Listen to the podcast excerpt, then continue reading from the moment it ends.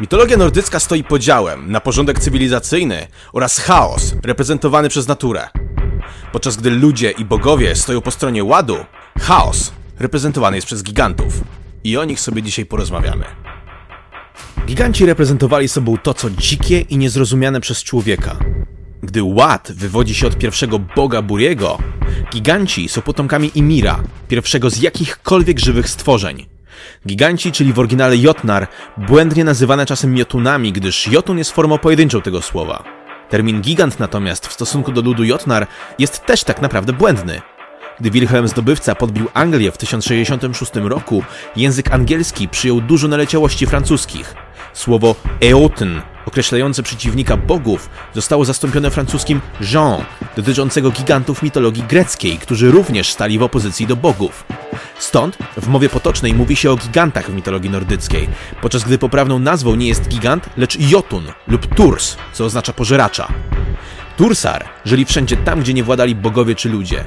Nie mieli jednej ustalonej formy. Mogli występować jako wilki, mogli być szarymi głazami, tańczącymi płomieniami lub wyglądać jak bogowie czy ludzie. Liczyło się pochodzenie. Tak na przykład między bogami przechadzali się Loki czy jego córka Hel. Jotnar i bogowie potrafili współpracować, jak też zawierać małżeństwa między sobą, jak na przykład Skadi i Njord. Bogowie i Jotnar mogli się również rozmnażać. W ten sposób na przykład Odyn jest półgigantem, a Thor ćwierćgigantem. W mitologii możemy wyróżnić trzy najważniejsze nacje gigantów. Pierwsza Hrimtursar, gigantów lodu. Druga Eldjotnar, gigantów ognia. Trzecia Bergnisar, gigantów gór. W mitologii nordyckiej najczęściej spotykamy się z mieszkańcami Jotunheimu, krainy dzikiej i nieprzybytej.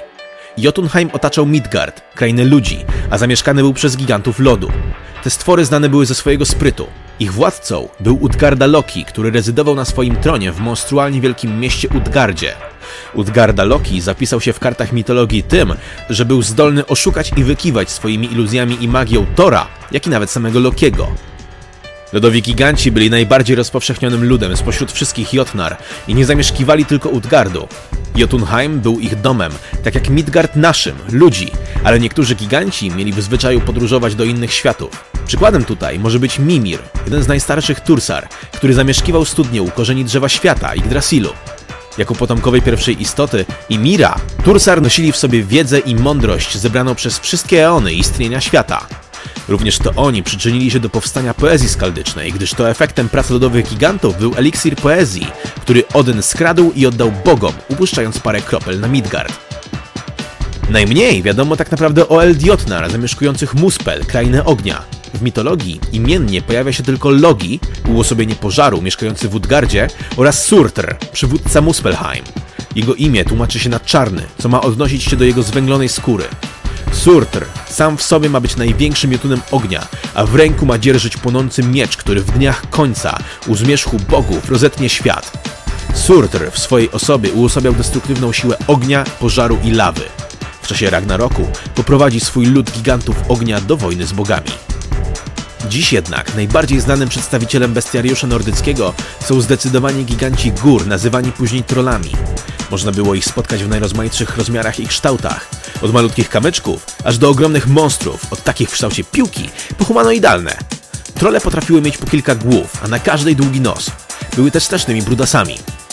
Trole mieszkały w Midgardzie, wraz z ludźmi, a Skandynawowie wierzyli, że każde pasmo górskie naszego świata było władane przez króla troli, który żył głęboko w którejś z najgłębszych pieczar. Król troli miał najwięcej głów ze wszystkich swoich poddanych oraz najdłuższe nosy. Miał też jedno oko i złoty tron. Wszystkie trole łączył paskudny i wredny charakter.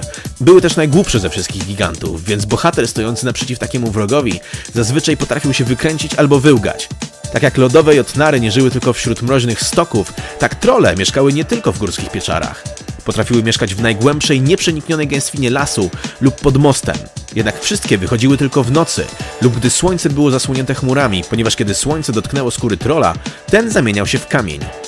Wraz z przejściem Skandynawów na chrześcijanizm, większość ludu Jotnar obecnego w mitologii nordyckiej zniknęła z kart historii, jednak nie trole. Trole miały polować na chrześcijan i za pomocą swojego wyczulonego węchu znajdować ochrzczonych ludzi. Przeżyły w ten sposób i do dzisiaj jeszcze reprezentują sobą niechrześcijański, stary porządek rzeczy. Chrześcijanie wierzyli też, że trolica potrafiła podmienić swoje dziecko na ludzkie, nieochrzczone dziecko. Od takiego obrotu spraw miał uratować kawałek żelaza leżący na łóżeczku dziecka do czasu, gdy to zostanie ochrzczone. Mam nadzieję, że się podobało i że wyciągnęliście z tego trochę nowych informacji.